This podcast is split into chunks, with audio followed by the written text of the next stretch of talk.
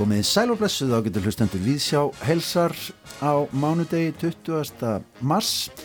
Já, einlega með myndum á síninguhalla.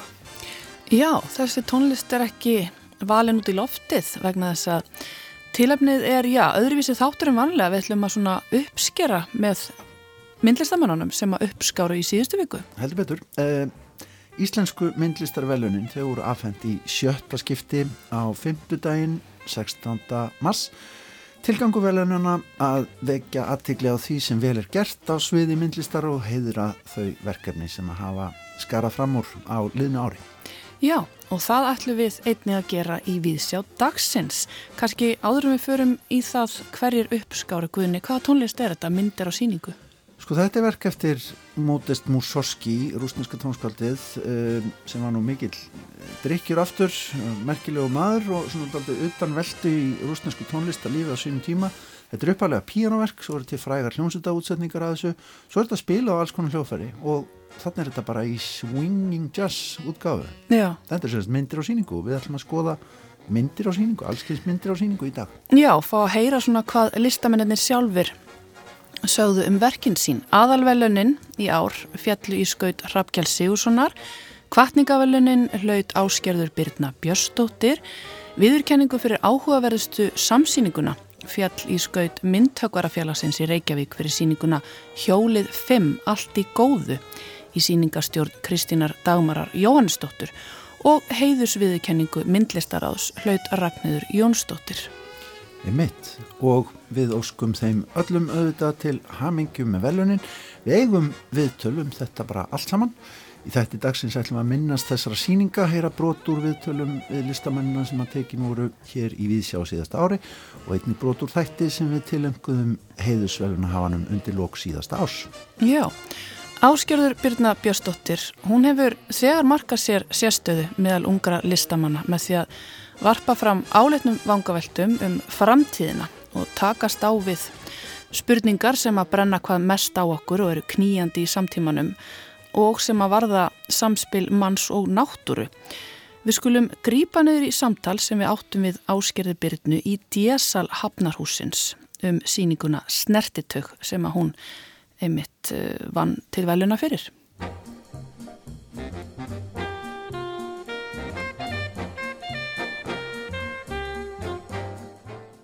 Nú þegar við erum hérna að spjalla þá heyrum við í strömbreyti, það er smá læti hérna við og við. Já. Viftan er eitthvað að segja til sín. Mér langs að fá að heyra af þessu verki hér sem umlíkur okkur í þessum sál, þessum hvita sál sjáum við hérna bláan svona snúru skó eiginlega og greinar sem halda hann uppi. Þú verður bara að, held ég að lýsa þessu, þetta er í rauninni einhvers konar ferðalag hérna. Já, það passar. Það má ég að segja að ferðalagi byrji sko fyrir utan gluggana í dísal og glugganir þrýr sem eru í þessum sál hafa einhvern veginn orðið svona svolítið kjarnapunktur síningarinnar um, og fyrir utan tvo af þessum gluggum eru sólarsellur sem skikja svona á gluggan og maður sér það á einum gluggana þegar maður horfir út. Um, og innan úr glugganum koma svo snúrur eða ramagsleðslur sem tengjast úr sólarsellunum og, og mynda þennan skó sem við talum eftir endurlöngnum vegnum hérna í DSL og það eru snúrur sem að já, eru svona hengjast á, á málmskúltúra sem eru uh, greinar mm -hmm. afsteipur af grein mm -hmm. og það er, má ég segja að það sé ráfmagnir sem er að ferðast inn um rýmið á eftirvegnum og eftir rýminu endur löngu og fer hérna í ráfgeima í hinum endanum á rýminu og svo er sagt, skjám stungið samband í þessar ráfgeima þar sem að videoverk er spilað mm -hmm. Emit og videoverkið sem sagt ræðst af því bara hver orkan er í salnum og er sem sagt að breytast allan daginn Já, það þessi sem sagt, þetta vídeo er um, gagvirt og, og virkar þannig að það er á okkur núlstillingu þegar það er, það er dimt eða engin orka til staðar en um leið og, og sólasellunar eh, fara að ná einn orku og þá hefur það bein áhrif á hvað og hvernig um, efnið í vídeoinu spilast mm -hmm. og einmitt núna er svona sólinn rétt að koma upp Já. og lítið fara að tekka inn í dagspyrtunni þannig að það sem við sjáum að skjánum eru þetta eru í rauninni Eh, valnettur og kartablur sem eru að fljóta svona um rýmið, að rulla um rýmið og ég hugsaði þetta í rauninni frekar en kannski endilega vídeo, hugsaði um að þetta er eins og stafurand lag í rýminu að því að, að því vídeoið er gert þannig að það er teiknað upp í rýminu sjálfu. Þannig að fyrsta sem við gerum er að teikna salin og svo láta þessa hluti rúla um salin sjálfan. Og ég hugsa skjána í rauninni meira sem eins og glukka inn í þann hluta af síningunni og þessi stafrænu hlutir eru sem sagt hérna að rúla um rýmið og einmitt núna er þeir mjög rólegur rúli og, og svona það er lágt byrtusti á skjánum og það er svona, já, róleg stemming myndi ég segja. Þetta er allt saman mjög tæknilegt en, en, hérna, en samt mikil náttúra um leið. Það er rauninni tæknin sem er að búa til náttúruna. Já, eitthvað svoleiðis. Og náttúran sem býr til tæknina á móti sko. þannig að mér finnst svona svo hliðsta er svolítið svona kjarni hérna og þessar, þessar kartablur og valnættur sem eru hérna stafrænt mm -hmm. á hreyfingu um það er svona speklast svo í, í alvöru kartablum og valnættum sem að má sjá hinum einir í minu í skuldurum um, þar sem að kartablur og valnættur hlutur eru að byrja að spýra í litlum ílátum hér og þar mm -hmm. og hugmyndin er svolítið að síningin hún vex og dafnar með hækkandi sól og bæði skuldurarnir og, og vídeoverki stafræna hliðin og svona áþreifanlega hliðin þau, þau vaksa bæði með og dafna. Mm -hmm.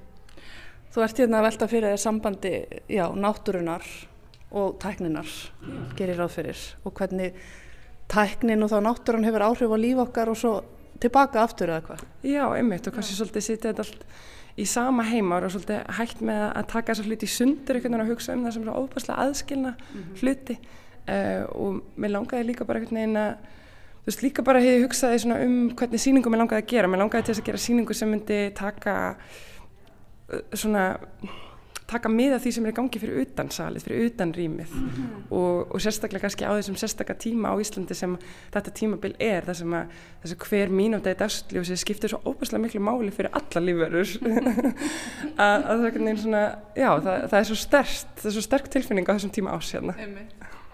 Þetta er svona eitt dimmasti dagur ársins, það er mánudagur, það er síðasti dagur í janúar, það er engin byrta út við verðum bara að viðkjöna það. Og valnetunar og kartaflunar það er rétt sílast áfram, við erum kannski svona daldið í takt við þær í dag. Já það passar, maður finnur fyrir orkunni sjálfur. Og ég kom inn um helgina og hitti bara í smá stund við á laugadagin og hitti einmitt inn þegar bara sólinn skein í fyrsta skipti örglega í tvær vikur og það var svo magna hvað það var ólíkt að vera þarna inni og bara eins og í öllum rýmum en, en það var virkilega gaman að finna fyrir verkunum að taka við sér sko. mm -hmm. og, finna, og maður finnur þessu orku innra með sér sjálfum og svo sér maður einhvern veginn spilast inn í verkin og það fannst mér, það gaf mér mjög góða tilfinning að sjá það virkilega að gerast Þannig að þetta áður að þróast ansi mikið yfir tímabilið þessi, þessi síning og bara þetta verk sem er hérna einn held í rauninni Já, heldur betur Já. því að sko dagspyrtan meir en tvöfaldast á þessum tíma sem síningi standur uppi þannig að já, ég visti að þetta verði orðin allt annur síning í rauninni undir lok tímabilsins. Það verður gaman að sjá. Þú hefur alltaf verið að vinna með tæknina og, og síma og hérna, já þessar hluti okkar daglega lífi sem að kannski hafa meira áhrif á okkur en við gerum okkur grein fyrir já. og svona hvernig þau fljættast inn í lífið okkar. Hvað, akkur er þetta svona huglikið, veist það? Mm, já, ég held að í rauninni kærnin mér finnst svona, það er ákveðin miðja í minni vinnu er svona óáþreifanlegir hlutir og element og, og já, svona í, í lífum okkar sem að einmitt hafa meiri kannski áhrif en við gerum okkur grein fyrir mm. og ég hugsa líka oft um það staf, stafræna á sveipaðan hátt við upplifum það kannski sem eitthvað sem er svo óáþreifanlegt er í loftinu og er umlykur okkur mm. alltaf en svo á þetta þessi náttúrulega mjög sterkar rætur í efnisheiminum og mér finnst áhugavert svolítið að rannsaka þetta hvar, veist, hvar, hvert liggja þessar rætur og, og hvernig getur maður einhvern veginn sett þetta í samhengi við hvort annað. Einmitt. Einmitt og þessar stafrænu tæknilegu rætur, það verður eitthvað svo augljóst hér hvað, hvað þær eru sko í rauninni, já, koma auðvitað beint frá náttúrunni. Já, einmitt. Já, Algjörlega, þetta er skemmtilegt. Hvað hérna, og líka þessar greinar hérna mjög manngjörðar en kannski það svona með kartublónum, það er náttúrulegast að hérna inni eða hvað?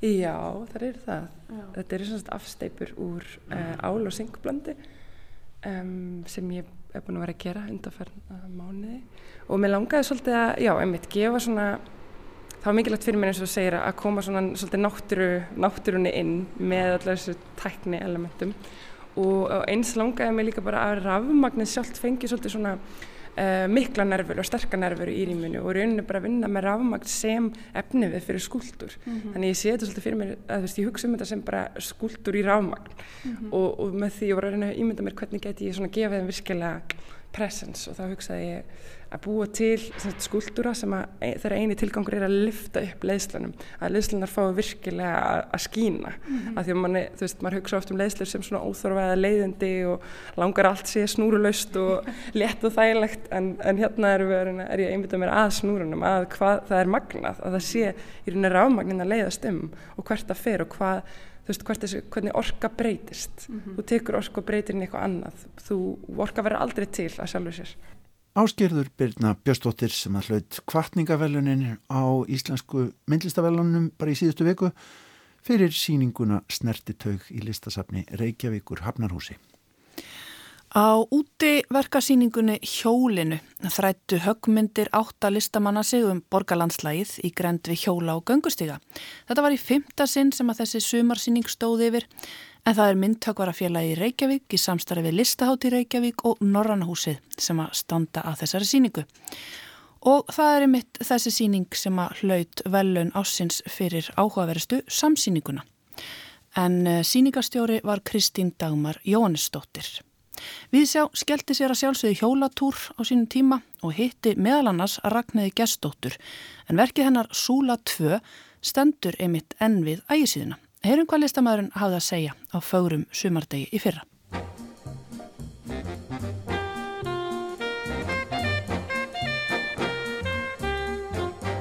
Súla, þetta er þetta form sem að þú hefur verið að stúdera þetta aldrei lengi, þú hefur verið að vinna með súluna í aldrei tíma. Já, sko eiginlega kveiknaði kannski áhugum minn því ég var í svona vinnustofudvöl í Beirut fyrir sex árum síðan. E, og hérna var að skoða þar þessar ímsi rústir frá fyrir tímum, fyrir öldum og þar auðvitað er súlan alltaf að byrtast okkur frá hérna tímum Gríkja og Rómverja og þá hafði ég svolítið áhuga svona, ég var að pæla í efninu og, og hérna þessu marmara sem að þú veist, er bara þarna í, á svæðinu og er út um allt og hefur náttúrulega líka verið fluttur heimsalva á milli og, og spá í þetta efni í tengslu við líka bara svona umhverfismál og allt það og, og hvernig, hvers, hversu lengi það lifir og þessa takminn sem þetta, svona, já, þetta, þessa sögu sem þetta efni segir og ég fór að hugsa um það í tengslu við Ísland og hvað þetta efni byrtist á Íslanda því við eigum það náttúrulega ekki í náttúrun okkar. Mm -hmm. og á þeim tíma, þetta var 2016 þá voru margir að gera upp eldhúsin sín. Þá voru mjög margir að rýfa allt út og setja upp ný eldhús. Ég man eftir að ég var að fylgjast með svona hérna já, eh, MBL fastegna auðlýsingum bara í ganni og hérna sá að það var mikið búið að setja upp svona eigur með massífum marmara plötum á. Og þá fór ég að segja þarna byrtast, þarna byrtist marmarin okkar. Og þá fór maður langa að vinna með marmarin og, og hérna hann kom eiginlega þaðan. Og þaðan var, þarna var tilverki Súla 1 sem var semst bara marmaraplata með útskortnu gati í formi Súlunar mm -hmm. og þá er ég náttúrulega hugsa um og svo hef ég unni meira með Súlunar síðan þá og, og aftur í þessu verki hér Súla 2 en ég er að hugsa um Súlunar sem tákmynd fyrir hérna þessar vöggu síðminningar, þú veist, frá Gríkjum til okkar í dag, þessar eigin orður í hafi og okkar sjónrænu sögu sem að á kannski ekki svo mikið beina tengingu við þessa svo kalluðu vöggu mm. og hvar þessi súla byrtist í byggingalist og auðvitað um allan heim, þú veist, á, á nær okkur í tíma og hefur verið endutekinn aftur og aftur og yfirleitt og oftast í tengslum við valdastofnanir eða þar sem þekking er búin til eins og háskólar eða er ekki hæstaréttur hérna á Íslandi þar sem súlutnar standa svo fallega. Og já þá eru svona spái hvernig hvaða efni og hvaða form það eru sem að výsa í bara peninga og vald og svona bara stjætskiptingu í raun og verið tengslum við þessi efni og þessi form. mm -hmm. en auðvitað líka spái eins og hér með að setja henni upp svo hér að því nú breytti ég formina eins og hérna og, og þetta eru steinsteipu og þá er það náttúrulega efni sem við höfum unni miklu meira með og þekkjum miklu betur heldur en marmaran og, og hérna líka auðvitað verður þetta, þú veist, þetta tákn, súlan er líka tákn fyrir hérna bara manneskinn og líkamann og líka tengslinn upp til -hmm. Guðs eða já, einhvers, einhvers starra og meira en við og, og líka náttúruna bara tré og eitthvað sem leitar upp, þú veist, vaks upp og en ósjárátt verður einhvern veginn lesturinn á henni svolítið kallægur að þetta verður svona reðurtákn og þetta, þetta er saga og hérna hugmynd sem tengist einhverjum svona karlægum styrk mætti segja kannski Já. og með því að búa til gat þá fannst mér ég verið einhvern veginn að taka burt sjálfa súluna en samt að vísa í henn en að leifa okkur kannski ímynda okkur einhverja aðra sögu, hvernig mætti segja hana öðruvísa því að það er náttúrulega engin, hérna, það er engin einn saga og, og þess vegna vildi ég hafa hana núna þannig að það væri mjög skýrt að væri hægt að lappi kringum hana og í gegnum hana mm -hmm. og hver sem er eitthvað nefn mætti eiga hana og, og hérna mm -hmm. og þannig endur skrifa eitthvað nefn eða endur hugsa þetta tákn Einmitt. og þessa sögu Einmitt nákvæmlega vagga siðmenningar. Þetta er eitthvað svo þrungið merkingu og bara þetta tákn. Þetta er svo einfalt tákn en að þú ert að lýsa þetta þetta er svo hlaðið þetta er svo marglaga merking í þessu. Og, og, og þetta með sko fallið hvernig lýsir því að þú ert sagt, ég var myndið að hugsa af hverju er hún með hana tvívíða ekki þrývíða og þetta við getum svona interaktað við súluna og gengið í gegnum hann og upplifa sögun og annan hátt. Við verðum að hugsa til þessara vöggu sem þú ert að tala um vegna þess að við eh, okkar sjónarhóttn hér á Vesturlöndum er auðvitað það að okkar vakka sér miklu aðri en vakka annara, ekki satt? Og, og þú vísar hérna í feðraveldi og reðutaknið og, við getum auðvitað endalust talað um það líka, ekki satt? Jú, og mér finnst það kannski líka mikilvægt að þú veist þó ég sé að hugsa um þetta þá held ég sér svolítið auðvelt að lesa þetta verk á annan hátt. Og auðvitað vísar þetta líka í það sem Kristín Dama var að tala um áðan einhvern veginn að hérna, hvernig lesum við samtíman og hvernig hugsaum við um okkur í samtímanum og, og okkar vakka, okkar siðmenning og, og hérna bara hvaða hryllingur svo hugsun hefur haft í förmið sér á hérna á tímum heimsaldastefnu og bara dagsins í dag þú veist að einhvern veginn að reyna að stróka þetta út og hugsa þetta upp á nýtt og sjá eitthvað annars sjónarhört þú veist. Akkurat, Þessa, þessi súla býður svo sannlega upp á annað sjónarsragnir og hún á þessum glæsilega stað hérna.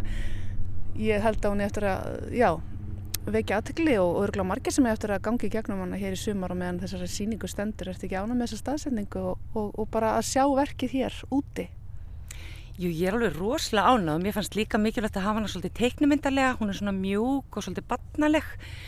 Að því ég hef svo mikið áhugað hvernig börn hugsa um umhverju sitt og takk tákn og, og hérna, list og mér finnst það svo gaman að fá að vera með í svona útilistaverka síningu því að það er eitthvað neginn það rými sem allir eiga og við eigum allir saman og, og það fara kannski ekki allir inn á listasafn og ef við erum inn á listasafn og veit fólk ekki hvort það má koma við verkin eða ekki en hérna verður þetta svo opið og það mega allir eiga það og það finnst mér mikilvægt líka þú veist og og auðvitað er rosalega ánum með að fá að vera einn á ægisíðin að því mér langaði líka að hún vísaði út að hafa maður geti hort eitthvað neginn út og lengra.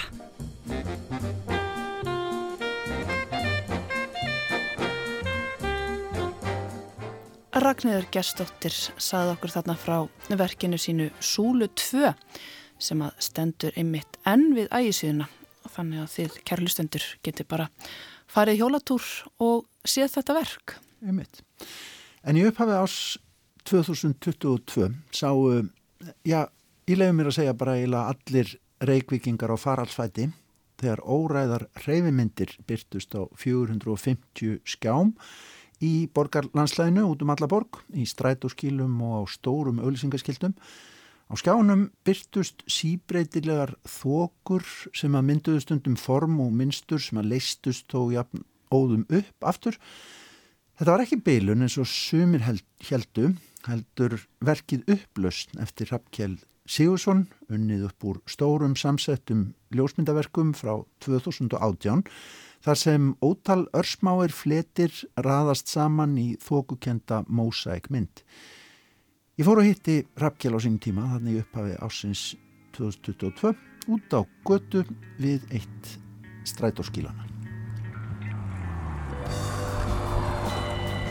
Lesaður! Heill og sæl. Það segir þá. Því tilviljum. Ótrúlega tilviljum að hitta því hér. Býðist þið 13. Já. Ha. Hann kemur eftir 5 mínútur og svo aftur eftir 79 mínútur. Já, já. Það lítur nú að vera eitthvað rögg. Það er bara hort á skilti á meðan. Já. Færst nær um leið. Það er alltaf lengur og lengur inn í myndina. Sko útskýrum aðeins hvað við erum. Við erum í strætóskíli uh, út á Granda. Ekki að byggast í strætó, en til þess að hýtta þig, Hrafkjell Sigursson, myndlistamæður. Uh, skiltin í borginni undanfannan daga hafa komið mörgum og óvart. Hvað er í gangi? Það er spurning. Þetta er náttúrulega bara verk eftir mig sem heitir Upplaust og um, verður á skjánum í fimm sólarhinga. Það byrtist eitt verk á dag, skipt á miðnætti.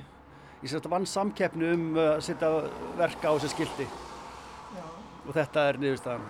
Er sem sagt eitt sama verkið allstaðar á skildunum? Ég er ekki búin að ná því en þá. Nei, það, það kannski er, það er síbreytilegt sko. Já. Uh, en já, það er eitt verk á dag og þú ert alltaf að sumera inn í verkið eða svona ferðast yfir það. Þannig að það er síbreytilegt, misrætt. Og þetta stendur í nokkra daga. Hvað var þetta eftir langur tímarammi sem þú færð? Eh, fimm sólarhingar. Hann er útpæltur að þú fáir akkurat þessa daga í byrjun ás. Ég, það bara passaði einstaklega vel fyrir mig að því að ég á fimm svona erketýpur af þessum verkum. Og það passar akkurat fyrir þessa fimm sólarhingar. En það er hugsun með því að hafa akkurat þennan glugga fyrir myndlist á þessum skiltum, ekki saman? Að, að, að velja akkurat þessa daga fyrir myndlist, það, það er hugsun með því, ekki sett? Jú, þeir voru búin að ákveða þetta, hérna, menninir hjá Billboard. Hugmyndin er líka svo að af því að við höfum náttúrulega verið bombanderuða upplýsingum á þessum skiltum undanfarið, er búið að vera að ná aðtikla okkar allstaðar, að þá sé núna einhvers konar hlið. Auglýsingar hlið, kalla þeir þetta. Þetta er í samstarfi við Listasab Reykjavíkur og Ufsulon Gallery sem endur til samkjöfninar í samstarfi við Billboard. Varst þú alveg með á hreinu hvað þú vildi gera? E, nei, en þegar ég átta mig á því að þessi hugmynd geti komið til greina þá einhvern veginn ég veit það ekki, ég, ég hafði mikla trú á þessu verki akkurat í þetta í þetta samengi Getur þú sagt okkur hvað við erum að horfa hvað inn, við, við grunar að við séum að horfa eitthvað aðeins meira en það sem við upplifum að við séum að horfa Já, sko, þetta eru náttúrulega bara, þetta er abstrakt, uh, stafrænt abstraktverk. Uh -huh. uh, aðferðin við að gera verkið er, mætti kannski líka bara við uh, málara, vinnu listmálara, sko. Þetta er hérna mjög tímafreg vinna, þetta er svona ægilega handavinna í tölfunni. En útgangspunkturinn er að ég vinn með gögn frá NASA. Uh, úr NASA, úr Hubble sjónugunum þar sem að það var hort út í geim og þar sem að uh, myndafli náði ekki lengra. Við sjáum myndir af vetrabrautum svo mynd var tekinu með því að beina sjónuga á milli stjarnana á næturhimninum. En ég beini sjónunum á milli vetrabrautuna á myndinni og tel mig vera að fara lengra inn í myndina en vísendamennir hafðu komist Litirnir sem byrstast Já, ég þetta er allt unnið bara upp úr því sem er til staðar. Ég, ég, ég framkalla þessa liti, ég, ég framkalla formin bara með því að herða og skerpa uh, líkt eins og þeir gerðu þegar þeir náðu fram myndunum af stjörnuþokunni. Þín, þín vinna er bara, þú, sko þú ert í, alveg í bara punkti fyrir punkti nánast já, af, já, af því sem við horfum á. Já. Og það var svo ótrúlegt að ég vann þessi verk sko í gríðilega mikill upplust, miklu starri upplust en ég þurfti en hún kemur sér vel núna þegar þau eru komin á skiltinu. En ég, sagt, ég er ekki að bæta neinu við myndina.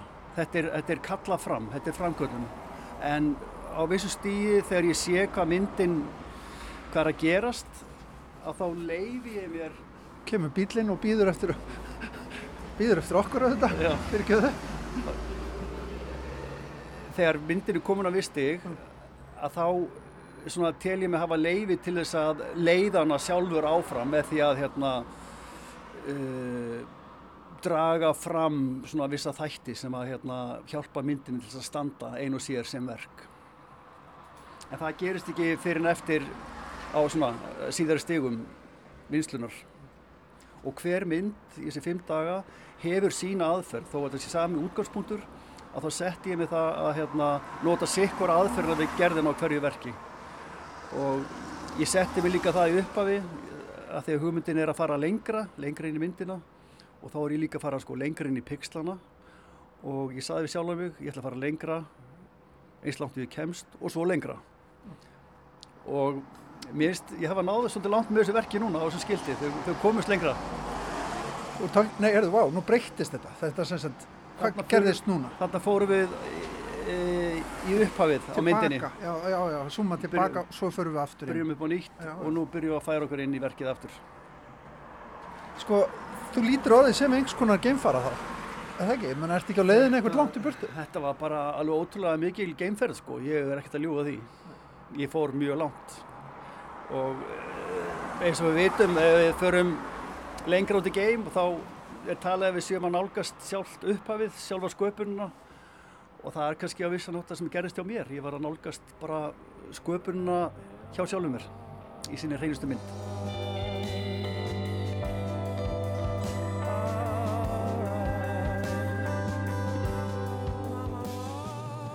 Nú eru margir mjög sko,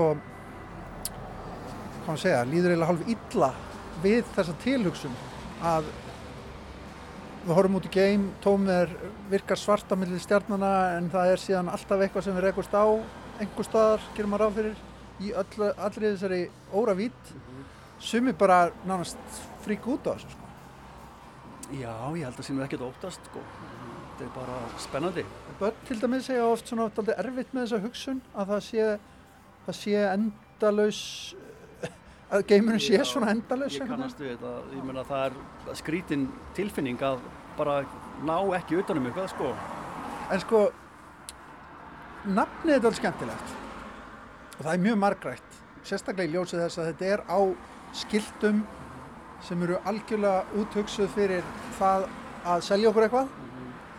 Og þó að við einhvern veginn veitum því held ég ekki mikla aðtegli ég meina til dæmis, ég meina, verður þú oft fyrir áhrifum af auðlýsingaskiltum er það oft sem þú getur sko orðið va- var við það í einn lífi og einn neyslu Ekki svo ég viti, en það er eflaust lúmst sko. Þeir gerðu könnun á því hvaða, hversu á, mikil áhrif þessi skilti hafa og þau eru vist um, mjög sterkur miðill sko. En þetta er mikil, eins mikil anstaða við einhver auðlýsingu og held ég að það geti verið, svona abstrakt verk sko. Það er engar upplýsingar, engin texti.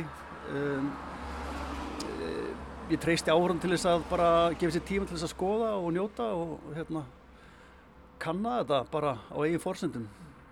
en upplaust, það, sko bara nafnið eitt það kveikir heilmargar tengingar ég meina upplaust og inngrip inn í einhvern kapitalískan neyslu heim ekki satt sem að myndlistin kemur hérna allt í nenni Jú, ég er bara heppinu með það, þetta smelt passar.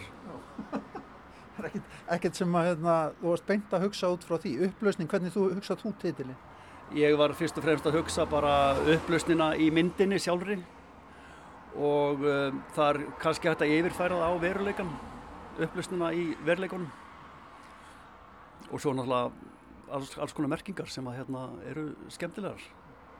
og upplausn, við tölum um upplausn í myndum með mitt sko, að, já, það er náttúrulega kannski grunnhugsunin á baka þetta. Já, af því að ég er að vinna svo mikið með upplausn í ljósmynd, upplausn á skjánum og hérna þannig að það er bara mjög svona bókstaflegt í, í grunninn sko.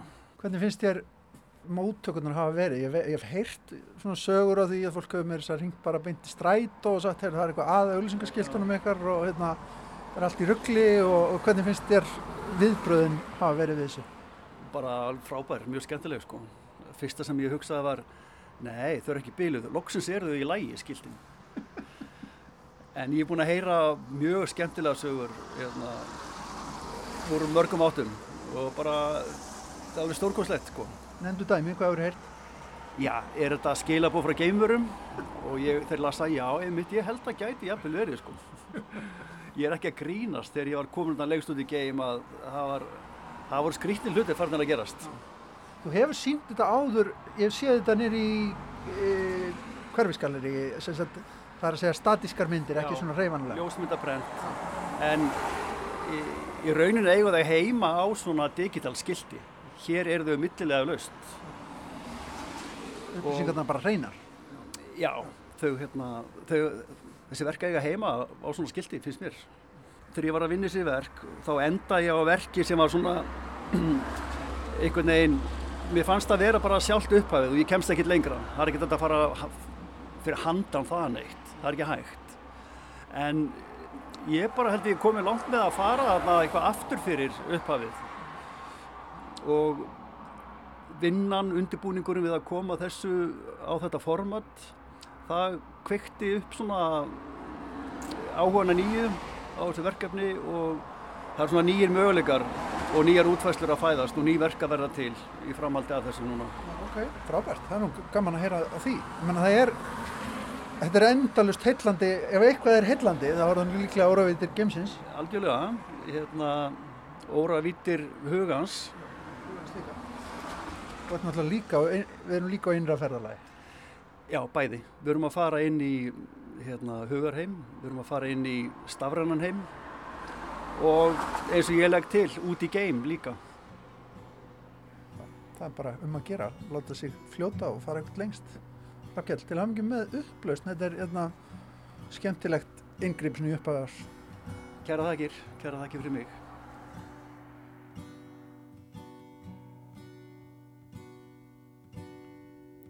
Wake from your sleep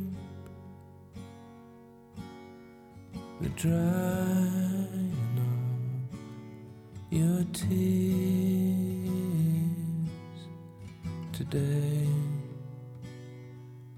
we escape, we escape.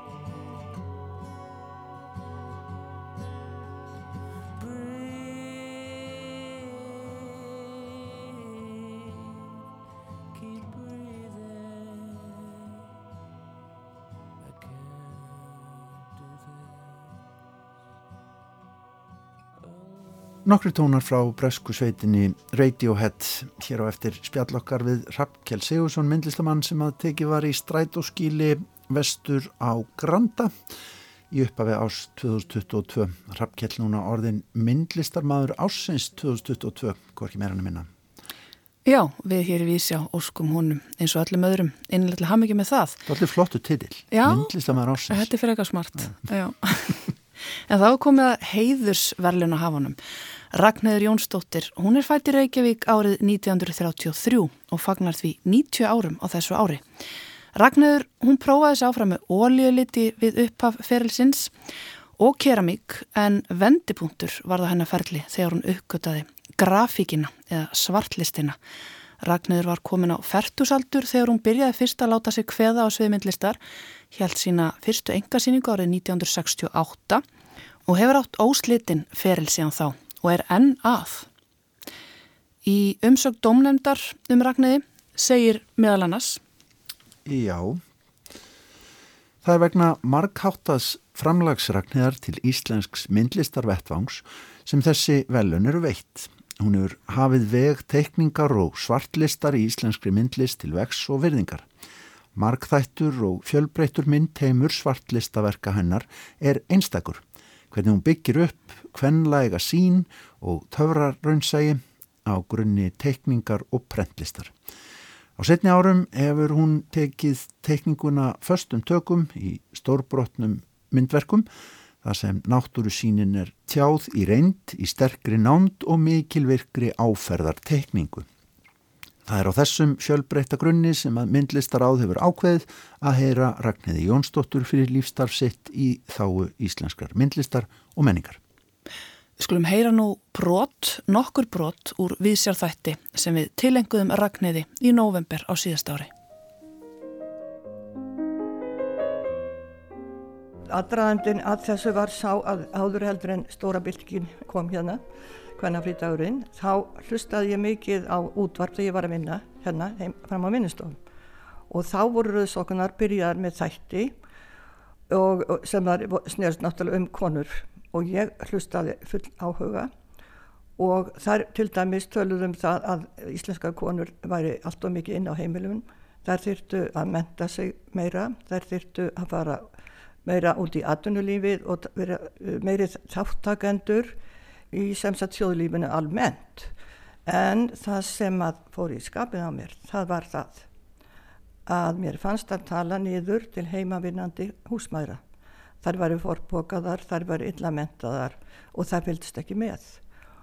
Og þetta særði mig og ég var svolítið bara reið og ég held að uh, það, það hafi, þetta, þessi þætti kveiktum ég í, svona, ég veldi hlutunum ekki fyrir mér í sambandi við mína stöðu, frem að þessu þá var ég afskaplega ánað, ég var nýbúin að fá vinnu aðstöðu hérna heima hjá mér þannig ég þurfti ekki að fara neitt í burtu til að vinna. Og, og ég var afskaplega ánað með mitt hlutskipti, ég gæti synd börnarnum mínum og, og myndlistinni samtímis. Mm -hmm. og nýtt tíman vel því að það er frábært að hafa vinnustofu heima. Þá getur maður, ef maður vaknar á nóttinni mm. fer maður bara frá minnustofu og hefur það skemmtilegt. Í alvöru. Og svo gerist þetta að það, það er eh, mikil gerjun sambandi við hvem fólkið og það er allt í hennu bóða til þessa fundar á Lækjartorki og ég var svolítið sein fyrir þannig ég hafði ekki tækifæri til að ringja í einhverja vinkonu og vera samverða, ég fór bara einn og ég náði mér í eh, góðan stað utan á gyrðingunni í kringum stjórnaráðið. Þannig maður gæti stað upp á einhverju svona stiftri brún, ég sá svolítið betur. Og þá blast, blastu við rauðsókunar að syngja á hans stelpur.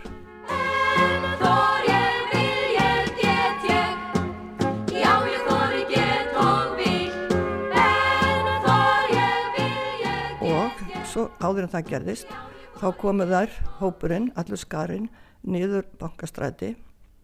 Eins og hraunströmbur, þar flættu niður.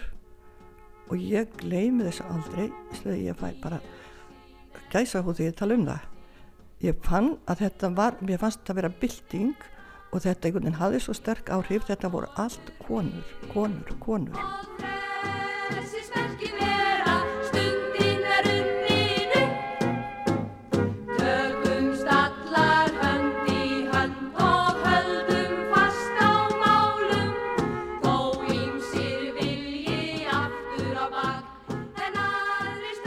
og þetta var alveg mögnuð stund. Og ég bara strax, ég vekk strax hugmynd. Og ég segið að byrja strax tegið síðar að myndinni 24. oktober 75 og svo gerði ég aðra, reyndar aðra sem sýnir mannfjöldan og sýnir klukkuna á lækjatorki og ég teg 23 myndu gengir í þrjú heiti svo mynd og, og þá lætt ég mannfjöldan eiginlega verða eins og mosavaksna minningu. Þetta er bara eitthvað flóð. Og þetta var nú byrjunin á þessum pælingum mínum. Nú svo bara hjælt maður áfram og ég kerði kjólana og svo þrem áru setna þá hittist svo á að við hjónum fyrir mig frí til, til New York og síðan til Kanada og, og, og vorum að heimsækja þar eh, skildmenni og í gegnum það var maður sem var hérna, frendi massins mín hann tók á mót okkur og þennan tíma sem við vorum þá vorum við að hitta hans kunningja og hann var að sína okkur umhverfið. Og þá meðal annars þá hittum við konu og ljómandi myndalega unga konu og við erum bóðinu heim til hennar eða þeirra. Og hún hérna var, hún var píanokennari að ment hún hætti þrjú börn góðan mann, bjóð mjög fallegu húsi og sem satt virtist hafa það afskaplega gott. Svo erum við einar þarna einn daginn, smá stund, ég er heima hjá henni og þá kemur hún með bunga af albúmum að sína mér og ég held að hann ætla að vera að sína myndir af börnunum eins og fólk gerir oft. Nei, það voru kökunar hennar. Hún talaði ekki um neitt annaði kökur allan tíman. Þegar við fórum út að borða þá heyrðum við að, já, my cakes, my cakes og mér fannst konan bara mjög stór skvitin og þegar ég kvart hana þá sá ég tertuna á hefðin á henni. Þannig kom þessi hugmynd. Ég gati ekki glemt henni og þegar ég kom heim þá fór ég að byrja því á þessari mynd. En ég setti sjálfa mig undir kökuna því að, að hérna hún, sko þetta er, hún er svo tvírað þessi mynd. Þér finnst hún kannski fyrst brosleg svo var hún daburleg svo var hún aftur brosleg, veist ekki alveg þannig að uh, mér fannst bara þetta henda og ég hef oft gert það, ég stilli sjálf mér. Ef, ef ég eh, sé eitthvað sem ég finnst sérstakt þá stilli ég sjálfur mér inn í þetta hvernig myndi mér hvernig myndi ég bregðast við þessum kringustæðum hvernig myndi mér líða? Skilu, hvernig myndi ég upplifa þetta? Mm -hmm. og þannig verða verða marga myndina til. Mm -hmm. að ég sé eitthvað og ég losna ekki við að ég er alltaf að hugsa um það og svo er allt í henni sett ég sjálf að minni þetta og reyni að tjá svona hvernig, hvernig þetta virkar fyrir mig.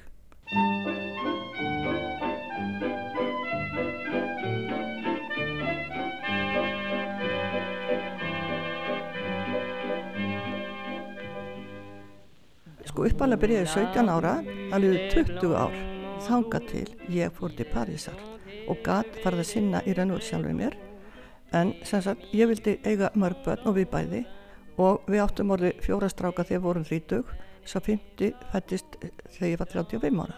Mm og þegar var 37 ára það verið til Parísar. Það er 1970 og það var algjörlega dásamlegt sömar bara frí í heilt sömar og þá gæti ég sitt myndlistinni. Þetta var alveg reynd sko það sem að breytti öllu hjá mér í sambandi við myndlistina þá ég, get ég synd þessu heilt sumar og þá fórum við og ætlum að læra að setja lit í grafík. Það var ætlunin. Og þarna var mikill fjöldi af útlending og það var mest japanær og svo voru það indverjar nokkrir, það voru yfir kallar ungir kallmenn og svo var bara tveir, þrýr amerikanar, tveir norðlandabúar og svo við. Við heldum við getum bara sko eftir okkur í fransku það er nú lært smá í skóla og, og hérna það gekk nú ekki því að það þetta tölur ekki einu sinni ennsku þetta var ræðilegt mál sko bara bendingar og, og mjög, mjög skrítin samkunda en búið að skemmtileg. Og þá förum við náttúrulega okkur með einasta við unnum frá 1 til 7 okkur með einasta degi laugadögum líka. Sunnudaga og, fyrir hátegi notuðum við alltaf til að fara á galeri og söfn.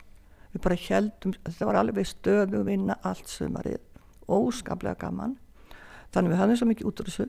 Og þá fréttum við að þessum alþjóðlegu bíunálum og fréttum af fyrstu sko fáum fyrstu adressuna þá verða að stopna árið síðar norska bíunálin og við fengum adressur og byrjum að senda sko, sækja um. Og ég þurfti aldrei að hérna skilji ég fekk bara bóð framvegis því að þann, það er þannig á bíunálum að þeir senda nefnd af einum bíunál til þess að velja myndir á næsta og þá heimsækja þeir mismunandi síningar til þess að pikka upp nöfn ég vil fá þennan, ég vil fá hinn og hinn og hinn. Og þannig gerist það að þetta kom svona alveg stall að stalli Einmitt. og búið að spennandi.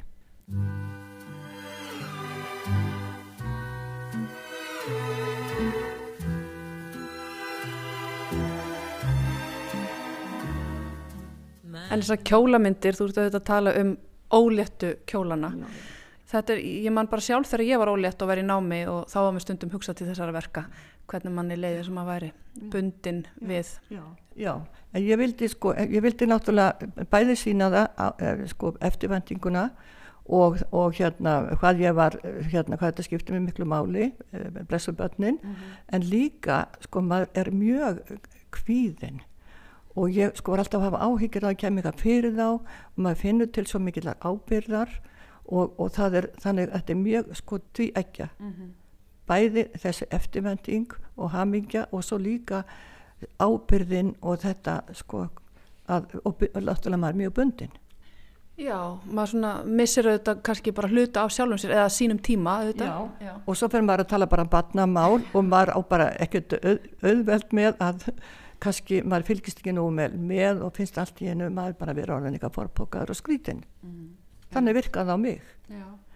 að ég, sko þá gæti ég ekki farið út, út að hitta fólk eins og áður ekki, maður var bara að sinna allt öru kannski svona pínu hrætt um að breytast í kökukonuna. Já, já nákvæmlega, mm -hmm. nákvæmlega.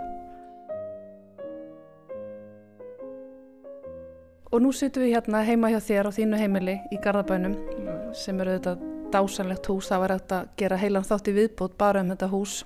En hérna þú ert hérna með vinnustofuna hérna heima og það tók nú sinn tíma að taka þér pláss inn á heimilinu Já. og það lítur að hafa skipt sköpum að fá þessa vinnustofu. Algjörlega. Það skipti, mikl, það skipti bara allir máli mm. og geta verið þarna uh, alveg í róanæði. Ég gæti alltaf, ég var aldrei tröflið á strákonum. Ég lefði þeim að koma með vinið sína hingaði einn og þeir gætu hamast hér eins og þau vildu og ég passaði bara þegar nú að borða þá gæti ég slappað af yfir því sem ég var að gera. Það var bara alveg frá, frábært. Og svo, svo hérna uh, líka þeir náttúrulega á sömrin þá voru þeir náttúrulega bara úti að leika sér þessu fallið skemmtilegt umhverfi hérna í rauninu fyrir lítil börn mm -hmm. alveg dásamlegt. En þetta lítur að vera ákveðin línudans að reyna að búa til myndlist og alveg þessar fimm drengi já, eins og já. þú er náttúrulega líst fyrir mér hérna. Já, en uh, hvað svona þú sagði mig frá þessum kennara í Kaupmannöfn sem sagði það að þetta væri ekkit nema þrautsega það mætti aldrei gefast upp hvað er það sem hefur drifið áfram? Hvernig, hvernig hérna, viðheldur þessari, þessum viljastyrk? Jú, þetta, þetta er bara þetta er svo mikil indisauki og ég vil segja reitt ef að, ef að sko, eitthvað sem að kvildi á mér sem svo gerist náttúrulega í all, allt lífið stundum er gaman og stundum, stundum ekki koma ykkur á ykkur, ykkur, ykkur sem að þarf að hafa áhyggjur af. Ef ég fer frá vinstofu byrja að vinna ég er búin að gleima því eftir smástund þetta er svo læknandi segi ég bara ef að eitthvað sem kvílir á fólki og það á erfitt það, það bara losar sig bara við þetta með því að, með því að yfka eitthvað svona lagað eins og myndlist. En talandum að hverfa inn í heim draumana sem að myndlistin getur verið þá hefur þín myndlist líka verið þetta hár beitt og pólitísk, myndur þú segja að hún sé, já, hún er bæði persónlega og pólitísk? Já, veistu það, að þarna strax í fyrstu síningunni, þegar ég var að hafa áhyggjur að því, sko, bara hvað, hvað segir fólk eða hvernig það tekur þessu, þá var að því að það var svo margt sem brann á mér, það var liðið svo langu tími, mm. þá til loksins að ég er, sko, leiði ég að búin að halda þessa fyrstu málverkarsíningu, þá ringir vinkona ég mig og segir, veistu það, þá fara að kenna grafík í, í hérna handíðaskólanum og við förum á kvöldnámskeið. Og eftir þetta eina námskeið hjá einaði hákona sinni þá bara leiti ekki við ólíulitum hann var ég alltaf búin að finna það sem alveg höfðaði til mín. Mm -hmm. og það hefur verið síðan.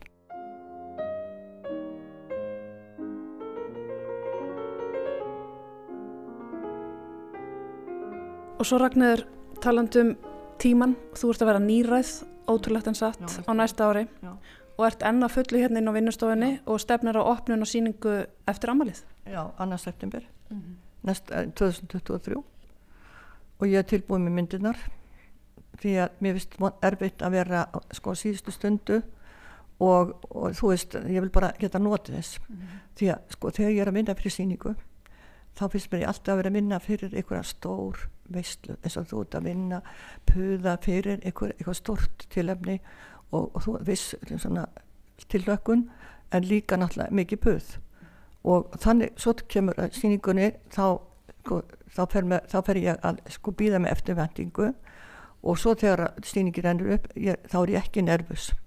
Þá finnst mér alveg opaslega gaman. Þá er ég bara alveg búin að gefa þetta frá mér. Ég veit enga sömur eru mjög strektir ofsalega áhyggjufellir og ég var það með fyrstu síningunni sko þetta væri nú alveg bara ískyggilegt hvernig þetta færi já, en síðan þá, þá mm. bara slepp ég því öllu svona, öllum áhyggjum og þetta er bara svo gefandi að vinna við þetta og spennandi finnst mér að það getur ekki betra verið Er þetta sem að við heldur bara lífsgleðinni? Ég, það finnst mér stór hluti sko, mm. það er náttúrulega fjöl, fjölskyldan bönnin og bandanbönnin og eigimadurinn og fóreldrarnir og ástvinnir allir. Það er náttúrulega þess að skiptur öllu máli en þetta er svona næsta á eftir því. Þetta er svona desert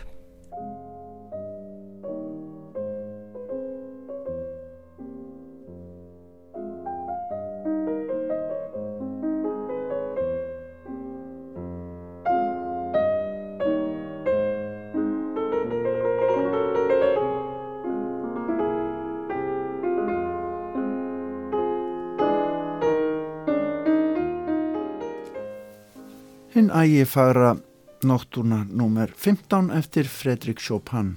Hér á eftir eh, spjalli Höllu Harðardóttur við Ragnhiði Jónsdóttur myndlistakonu sem að fætt er 1933 og fagnar 90 árum á þessu ári. Hún er heiðusvelunahafi íslensku myndlistavelunna árið 2023 Óskum henni enn og aftur til hamingi með það. Og hér ljúku við þessari viðsjá sem við tilenguðum listamennunum og síningunum sem að hlutu velun á íslensku myndlistavelununum þann 16. mars síðastliðin. Við gripum niður í viðtöl við Hrafkjell Sigursson, áskerði Byrnu Björnsdóttur og Ragnæði Gjersdóttur auk viðtalsins hér við Ragnæði Jónsdóttur. Einmitt, við óskum velunahöfunum aftur til hamingu og látum okkur alla áfram í myndum og síningu í þessari jazz útsetningu. Það var Allen Ferguson sem að setti þessa útsetningu saman fyrir Stórsveit. Þetta er að plötu sem heitir Pictures at an Exhibition Framed in Jazz sem satt rammaðar inn í jazzin myndirnar á síningunni. Takk fyrir okkur í dag og verið sæl.